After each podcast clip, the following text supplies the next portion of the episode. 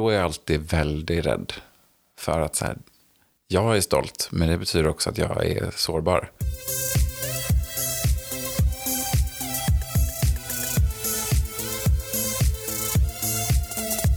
Hej och välkomna till Facka-podden med Caroline Rundqvist. och Johanna Tummevik. Det här är podden som fokuserar på risktagande, mod och sårbarhet. Vi intervjuar modiga risktagare om det som ligger bakom framgången och solskenshistorierna. Vi djupdyker i rädslor, misslyckanden och hur det är att känna sig riktigt sårbar.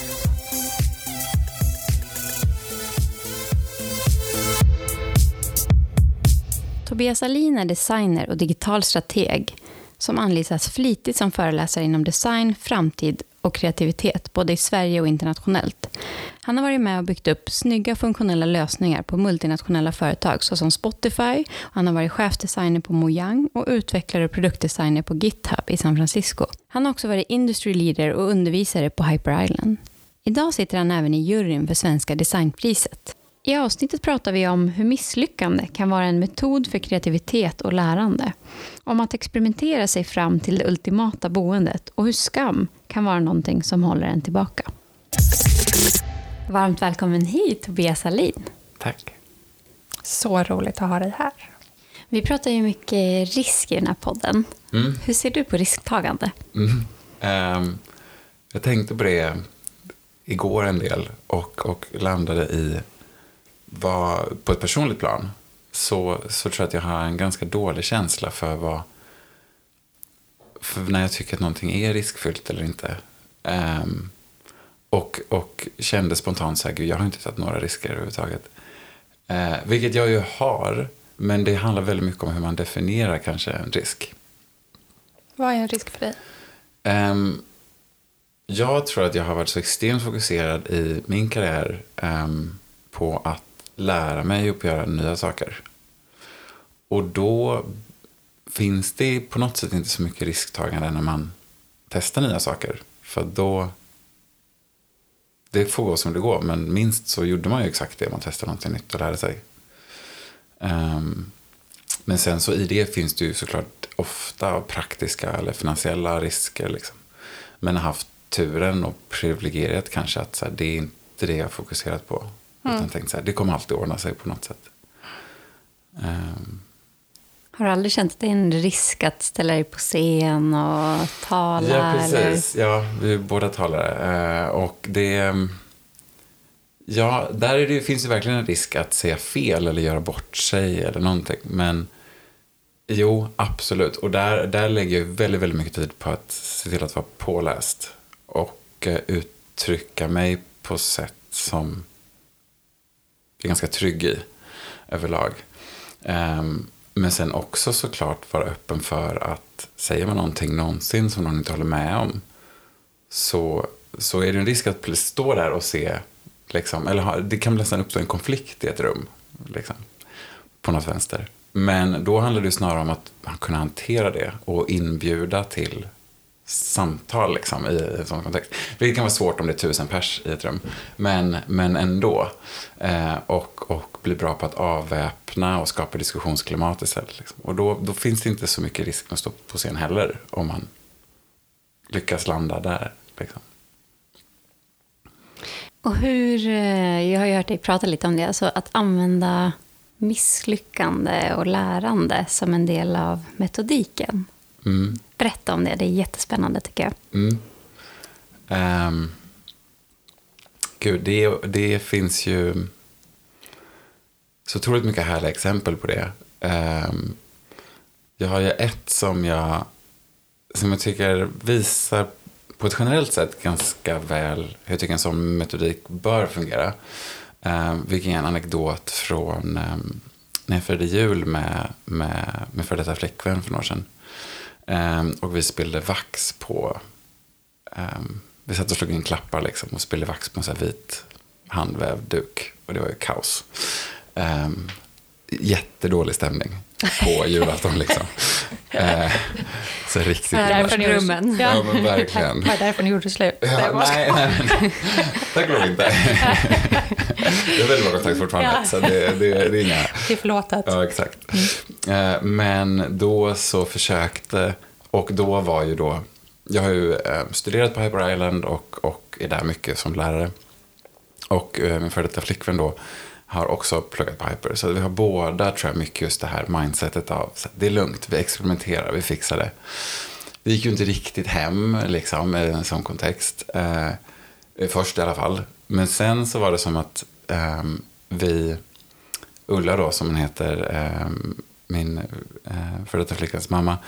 Eh, hon gick och funderade och kom på ett sätt just hur hon kunde experimentera med det här. Och då tog hon en gammal duk, eh, slet upp den i massa trasor och så spillde hon vax på alla dem.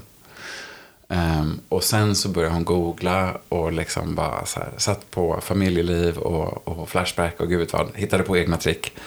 Och bara försökte ta bort alla de här små fläckarna. Tills hon lyckades då plötsligt helt perfekt utan några spår. Och då applicerade hon bara den metoden på originallukan liksom. Och det funkar.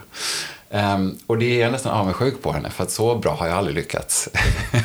Isolera liksom ett problem och experimentera. Och det är perfekt, precis så mm. uh, ska vi aspirera tycker jag för att jobba. Mm. Um, men jag tycker att ofta i praktiken så blir det ju um, snarare, precis som man sitter med design och kod, så handlar det ju mycket om att just så här, våga börja bygga tidigt på något sätt skapa, precis som Ulla gjorde det i det scenariot, liksom en plattform för att testa olika idéer. Um, och det för mig betyder, tror jag ofta, ironiskt nog, kanske att komma väldigt, väldigt nära tekniken först. Många har ju en tanke om att det betyder att man måste testa många idéer innan vi börjar bygga, för då, liksom, eller implementera, för då har vi verkligen committat på en riktning. Um, men jag tycker att i många, många fall, där jag jobbar i alla fall, så får jag den feedback jag behöver när jag sitter och implementerar det. Mm. Och, och jag försöker ofta, bara efter kanske en eller två dagar av designarbete, även om det kommer fortskrida i tre, fyra veckor, så redan parallellt med designarbetet efter en, två dagar, då sitter jag och implementerar. Och slänger saker och börjar om och kör. Just för att låta den tekniska implementationen eh, påverka designen och vice versa under hela processen. Mm.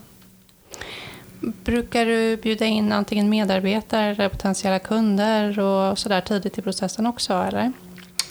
Um, ja, det är väldigt olika från vad man jobbar med verkligen för typ av produkt. Um, jag har en produkt som jag har varit med nu som är en um, väldigt nischad men härlig produkt. där man komponerar musik för spel. Vilket är en väldigt rolig utmaning. För, för där betyder det att du måste kunna bygga liksom stora musikaliska stycken som reagerar då exakt på vad man gör i spelet. Och då kan man inte bara liksom ha två olika slingor och så höjer man liksom volym på den här. Utan det är, du på något sätt blir en kompositör. Men förprogrammerade. Och det, det är ju någonting där man vi hade väldigt svårt att kunna implementera det. Det är så himla tungrot. Mm. Och iterera där. Så då sitter jag ju, eller satt typiskt, väldigt nära både programmerare och liksom projektledare. Mm. Och så bara jobbar vi jättetajt mm. ut väldigt mycket idéer. Um, dag ut, liksom dag in och dag ut. Men det är just för att det inte går att implementera nästan. Eller vi tyckte det var för svårt i det fallet. Um, om vi tittar istället på när jag var med GitHub så blir det ju väldigt mycket att jag bygger någonting och visar det. Mm. Och då har jag suttit med både implementation och, och kod. Eller design och implementation. Men ni jobbar mycket så när du var på Spotify också va? Och testa och i olika team, eller mm. hur var? Spotify har ju... Deras kultur har verkligen förändrats över, över åren. När jag var där första gången, då var jag där... Jag började 2010.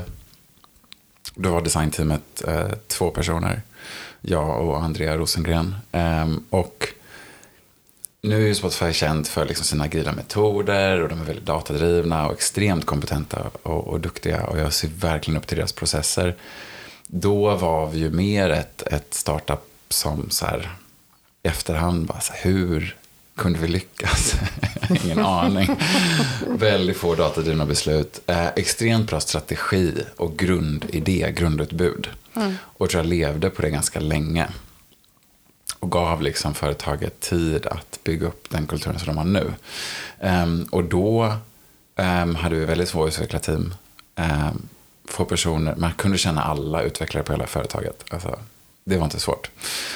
Och då så, visst experimenterade vi, men det fanns ju knappt några processer. Liksom. Vi körde någon typ av, efter några månader så började vi med att ha agila metoder. Men det var liksom sådär när ett företag började göra det. Det var ganska låg nivå. Um, men, och då var ju allting bara, alla jobbade väldigt nära varandra. Um, vi bollade idéer, men det var ingen strukturerad process. Nu däremot, ja. Nu har jag varit tillbaka som konsult efteråt också och det är ju fantastiskt hur de testar och har kvalitativ och kvantitativ data. Och, ja. Men hur blev det liksom din metod att jobba på det här sättet? Hur såg resan ut? Och... Um, gud, jag tror på något sätt så, så vill jag tro att många växer upp med den här mentaliteten um, sen man är liten. Liksom. Um, jag har, jag tror att många får det genom spel. Att man sitter och spelar och inte kan. Liksom, man kan inte lyckas. jag minns hur när jag var liten spelade väldigt mycket spel på engelska med min bror. Och ingen av oss kunde engelska. Vi var alltså väldigt små. Uh, och sättet man klarar ett spel om man inte kan läsa ens vad som försiggår, det är ju bara att testa allt som går. Liksom. Man trycker liksom, på det mesta. Eh, och sen så ibland så ringde vi upp Nintendo-klubben som fanns eh, och frågade så här, hur gör man? Vi fattar inte. Det är modigt. Eh, ja, verkligen. Ehm, men och jag tror att det satte sig mycket i och med det. Och sen så har jag... Eh, ja, men min, min mor har alltid varit extremt förlåtande tror jag, i det experimenterandet också. Jag har... Eh, till exempel så, så en gång när jag var liten så ni vet när man har så här rostade bröd som man har fryst. Så det ibland så himla svårt att få loss dem ifrån varandra. Eh, så jag minns jag någon gång verkligen inte kunde, jag gick kanske i mellanstadiet. Eh, så jag försökte slå på dem, för jag hade tror jag sett någon göra det. Så slå, slå bort dem från varandra. Lyckades inte. Så jag kom på att jag får mycket mer kraft om jag istället slår brödet i något annat. Eh, så jag tog det, liksom hela påsen, limpan så här, och svingade det in i vårt eh, matbord som då gick sönder. Eh, liksom. som var, som var liksom så här Ikea-bord som var inte jättefancy, som var liksom en plywoodskiva säkert och så var det liksom tomt och så var det, ja, så inget masseträ. Men den, den nu bara, hela övre skivan gick i krass. Eh, varpå jag ringde upp mamma och berättade det och hon så här, okej, okay, då köper vi ett nytt jag vill ändå ha ett massivt träbord. Liksom, så Lösning från det svar. Verkligen. Um, så jag tror att det, det är liksom hennes mentalitet av att inte riktigt döma så här misstag och spel. Tror jag att alltid haft det sättet att lära. Och jag vill tro att väldigt många växer upp med det ganska naturligt numera. Liksom. Um, och sen såklart, äh, går man på Hyper Island också så är det ju verkligen en av de mentaliteten man försöker förstärka. Så jag tror det sitter i hårt från de båda. Vad har du för tips till eh, organisationer och de som lyssnar på hur man kan bli mer experimentell i sin, liksom i sin metod för att utveckla nya saker? Ja. Det, är ju, det beror väldigt mycket på tror jag, vad för storlek man är. Um, och det, det som bör, tror jag, hända om man gör det rätt, det är att oavsett sin storlek så tjänar man ju på något sätt, alltså för att kunna ens pitcha det här som ett koncept så borde man kunna tjäna pengar på det. Det vill säga det är effektivare sätt att jobba än att inte experimentera. Um, och där tror jag att många ser ju sådana här experimentella processer som att så här, gud vad tid de tar. Vilket de kan ju göra, absolut. Och någon som eh, gärna styr med järnhanden och bara vill få ut någonting för att de har fått en order om att få ut det går ju inte gärna in i en sån process liksom, eh, som tar mycket tid. Eh, men jag tänker, gör man det rätt så har man ju istället fått väldigt tydliga mål, inte en projektbrief, men det måste ju vara startskott. Liksom. Om man inte ha det, snarare, alltså mål versus um, exakt vad man bör göra uppifrån, då tror jag att det är väldigt svårt att ha en experimentell process. Ehm, men så länge man har det så tror jag att man kan lyckas välja en process som man kan påvisa väldigt tydligt fungerar bättre. Um, Spotifys fall och många större företag, där fungerar ju AB-test till exempel där man i stort sett inte lanserar någonting om man inte bevisar att det fungerar. För att man också förlorar väldigt mycket pengar på om man inte gör så. Och det måste ju inte ens gå snabbare. Då måste ju inte pitchen vara, titta vi hittar en idé snabbare om vi experimenterar. Utan det kan vara, vi vet att det är nästan omöjligt att hitta en bra idé. Och därmed är sannolikheten väldigt stor att det kommer göra en dålig implementation eller idé om vi inte experimenterar. Så vi förlorar pengar på att lansera dåliga idéer. Så vi måste ha en experimentell process där vi kan navigera länge och sen mäta innan vi lanserar.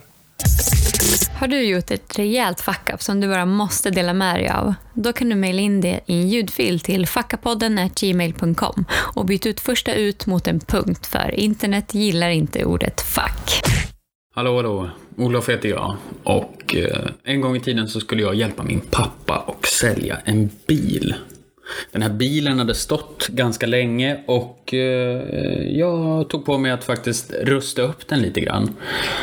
Eh, bromsarna var kanske inte topp topp, men eh, det hade jag fullt förtroende för min egen förmåga att fixa.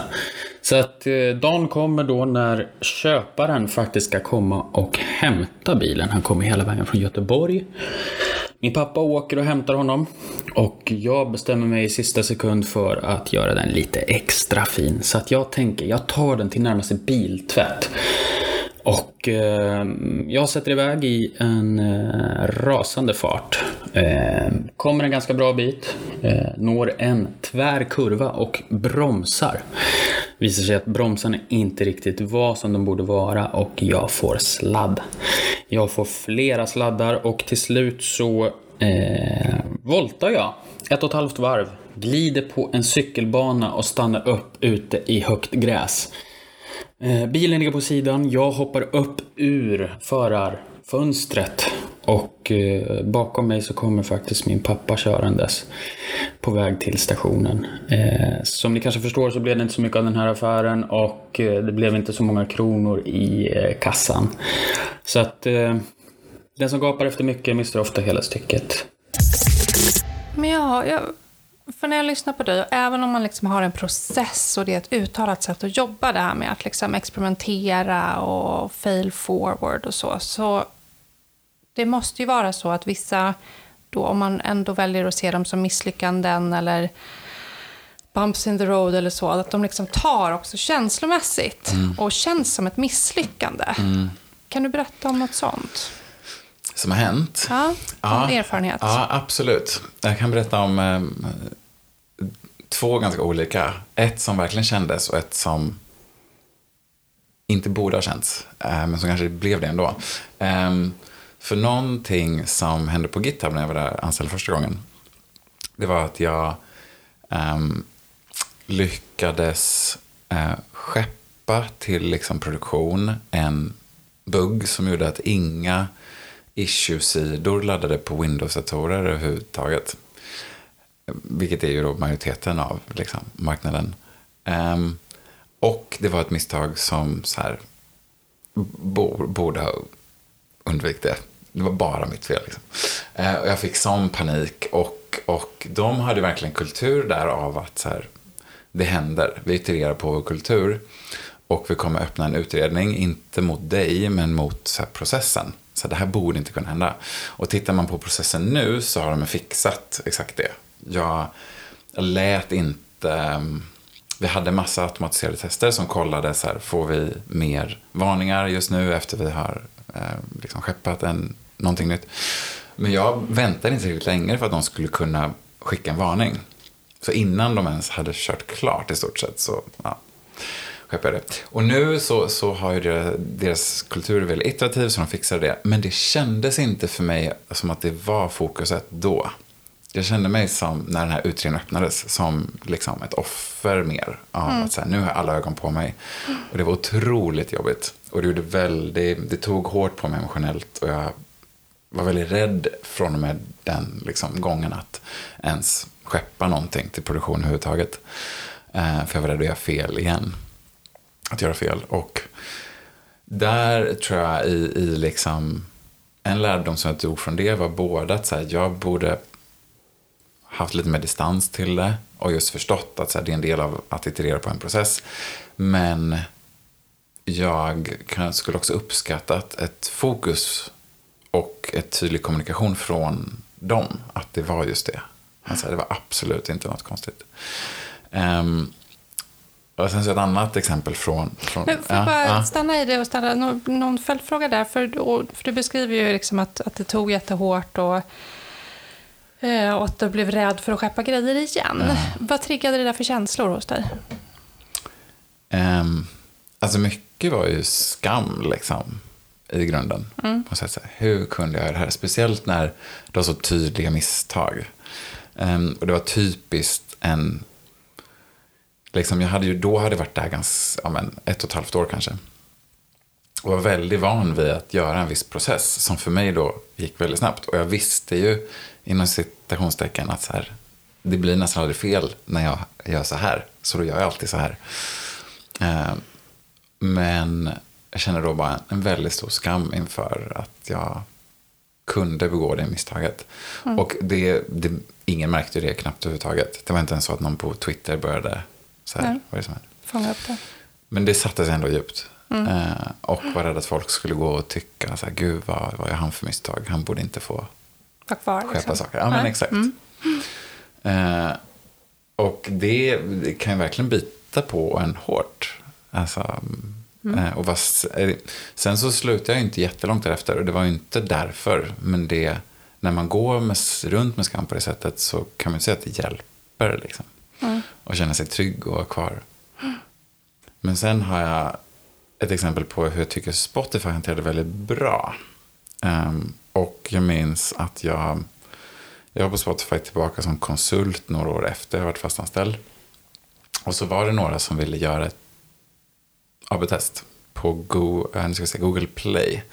Hur vi marknadsförde i stort sett eh, vissa eh, ja, men hur vi marknadsförde appen. Så vilken beskrivning vi hade och vilka bilder och så vidare. Eh, och vi hade sett att det fanns ett annat projekt som höll på med det här. Men de, de verkade inte vilja testa någonting överhuvudtaget. Det var lite mer så här, nu styr vi med järnhanden, nu ska vi ha en stor uppdatering. Så vi tog massor av deras idéer och våra egna idéer och bara gjorde ett AB-test direkt. Och såg att det blev ingen skillnad överhuvudtaget. Om det blev någon skillnad så var det negativt. Vilket vi tyckte var superbra. Så nu har vi precis gett dem data till det här projektet om att så här, det, om ni kör på med järnhand i det här en månad till så kommer ni troligtvis inte se någon impact överhuvudtaget. Um, så vi gick med de resultaten och um, började prata om dem. Och då var det någon som jag minns sa, åh gud vad synd att ni inte såg något positivt resultat, men bra jobbat ändå. Eh, vilket är helt fel svar tycker jag. Utan just så här, det Spotify brukar vara väldigt bra på, det är att ha människor som istället säger så här, gud vilken bra insikt, vilken bra data, bra att ni körde det här testet. För det handlar inte om att just flytta alla siffror positivt. Um, men jag blev just förvånad över den reaktionen. Och det säger, men att jag blir förvånad säger mycket om Spotifys kultur. Nu, mera, tycker jag. Det är så otroligt bra fokus på så vi måste hitta insikter. Och när man har det fokuset så är det väldigt svårt att misslyckas. Liksom. Mm. Hur det känns. Är du duktig på att följa nyfikenhet? Din egen? Mm. Ja, men det tycker jag ändå. Mm. Verkligen. Eh, och försöker ofta göra det ganska systematiskt. Vilket kanske låter tråkigt. Eh, men komma på sätt för att kunna följa den. Ehm, jag har en, en liksom typ av vana som jag går tillbaka till hela tiden, om och om igen, år efter år. Som är att bryta ner när jag har någonting som jag vill åt, liksom, i, i form av nyfikenhet. Det till så små um, kraftansträngningar att det nästan känns löjligt att inte jaga dem på något sätt. Och hur liten skulle en sån kunna vara? Eh, göra någonting fem minuter varje vardag. Inte ens helg då, utan så här. Mm. Få en rutin där jag kan gå upp på morgonen och känna att så här, har jag fem minuter? Ja, man har alltid fem minuter. Men eller jag lägger minst det på Facebook eller något annat konstigt. Um, och, och så skriva tydligt så här, det här är jag nyfiken på, det här är en dröm. Och så står det min to-do så här, dröm, kolon. Mm. Plugga fem minuter med känlearning. Mm. Um, eller spring fem minuter, alltså gå ut och göra någonting. Och det har tror jag fått mig många gånger just att så här, nyfikenhet handlar ju ofta om maraton, inte om sprintar. Liksom, på något sätt ändå. Och att ha respekt för det och ha respekt för att bygga upp det intresset tar lång tid ibland. Så just den här, gör någonting fem minuter, tio minuter om dagen är ett sätt som jag försöker systematisera det på. Finns det någonting som, eh, där du känner att du är rädd för att misslyckas? Som gör att det håller dig tillbaka? Mm. Så fort jag håller på att göra någonting där jag börjar känna mig stolt, då kan jag absolut bli rädd. Um, och det är ju då väldigt lätt att gömma sig bakom. Man kan helt enkelt inte göra saker som man känner sig stolt över. För då kan man vara lite mer likgiltig till hur det tas emot. Men jag har flera gånger suttit med projekt, antingen på företag eller hemma, liksom, verkligen jobbat med länge. Och sen ska publicera någonting eller gå ut med någonting. Um, och då är jag alltid väldigt rädd för att så här, jag är stolt, men det betyder också att jag är sårbar. För då om någon säger att det inte är bra, då, det är då det gör ont, ingen annan gång. Uh, och det har gjort att jag är systematiskt dålig på att marknadsföra någonting som jag gör överhuvudtaget. Um, vilket också är, när jag tittar tillbaka, några av de större misstagen jag har gjort. Liksom. Um, jag hade ett projekt precis när jag såg upp mig på Spotify där jag skulle göra ett spel. Så jag bestämde mig för att plugga programmering. Jag gjorde fem minuter om dagen. Eh, ganska länge medan jag var anställd på Spotify. Och sen så sa jag upp mig, la kanske två månader fulltidsjobb till på att göra det här spelet. Eh, gjorde allt. Eh, liksom all programmering, ljud, ljudproduktion, design. Var superstolt.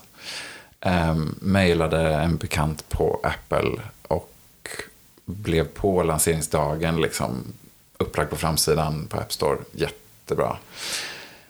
Vågade inte göra någon marknadsföring sen överhuvudtaget för att jag var rädd att det skulle kännas konstigt eller folk inte skulle tycka om det eller sådär. Så den produkten försvann i stort sett. Och vad, det där med att, eh, att folk inte ska tycka om det, eller inte tycka att det är bra. Ja. Vad är det som är så obekvämt eller? Jag vet inte. Det, det kanske är någon typ av jantelag eller sak eller grej så liksom, som ringer där på något sätt. Att jag tror jag är rädd för att stå och slå mig på bröstet och sen att det är dåligt, det jag gör. Jag tror det är också någon slags, jag tror jag skulle känna skam i efterhand ifall jag har gjort det och sen inser det. Och då är det liksom någon slags självförsvar att så här, då ser jag till att inte säga någonting överhuvudtaget. Och är det bra så är det bra. Och då kanske det sprids. Eh, och, och, och, ja, emotionellt kanske det makar någon typ av sens. Men, men eh, ur ett företagsperspektiv så är det ju jättedumt. Alltså otroligt dumt. Uh, och det är klart, man så här, ibland vet man inte heller om någonting är bra förrän man har fått ut det till ganska många och många har tittat på det. Och det är också så man gör en produkt bättre. Eller och det finns alltid de som kommer tycka att det är dåligt. Ja, exakt. Därför att de letar efter det. Ja. Att kunna få det bekräftat. Liksom. Verkligen. Um, så att det... Um, Nej, men det är liksom skam och jante, tror jag. Och det har gjort att jag ibland kanske snarare fokuserat på att göra många saker snarare än en sak och sen just prata mycket om det eller marknadsföra det. Vilket ibland också har funkat då, för då har man i alla fall många saker som ligger ute liksom och kan få uppmärksamhet. Um, men är, är alltså otroligt dålig på, mm. jag tycker det är så skämmigt.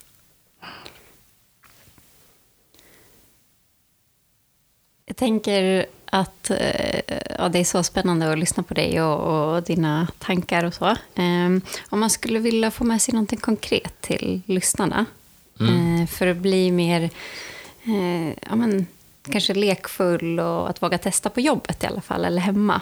Uh, tre tips. Vad skulle du skicka med? Men ett är nog ändå att gå tillbaka till den här att börja, att bryta ner så mycket att det känns löjligt att inte göra det. Um, och då, må, då, måste det inte vara i tid som är fem minuter. Då kan det vara um, att, att göra en så liten del av ett projekt. Att det känns löjligt att inte göra det. Uh, jag minns när jag försökte applicera det här på att börja springa. Alltså för att motionera. Och tyckte det var jobbigt. Så bestämde jag mig för att det första jag ska göra är att ta på mig skorna, gå ut genom dörren. Och sen gå in igen. jag ska inte ens springa. Men liksom så här, det är en del av den ritualen och den processen. Och när man väl har gjort det så känns det väldigt konstigt att inte sen gå ut och, och fortsätta springa. Um, så just så här, tänk på hur man kan bryta ner det till den graden att det känns löjligt att inte göra det. Um, väldigt, väldigt, väldigt små steg. Um, sen, sen tror jag att det är på just företag, det handlar ju väldigt mycket om företagskultur i stort sett. Uh, och förändringsprocesser. Och det blir en helt annan fråga om man inte tar ansvar för sin egen tid. Och där såg jag någonting som jag tyckte fungerade väldigt bra på Spotify. Som var att um, Rochelle King kom in ifrån Netflix och började försöka etablera väldigt mycket datadriven experimentell kultur. Och det handlade ju, vad jag kunde se i alla fall, från vad hon gjorde, mycket om att både utbilda, ta upp exempel, konkreta exempel på när andra gör det och, och gärna få folk en emotionellt engagerade i det. Hon visade många resultat från AB-tester som var kontraintuitiva. Där alla fick gissa så här, vad kommer funka bäst? Och alla designers tyckte alltid en viss design och alla utvecklade annan. Och så var det den tredje designen som ingen tyckte om som funkade jättebra.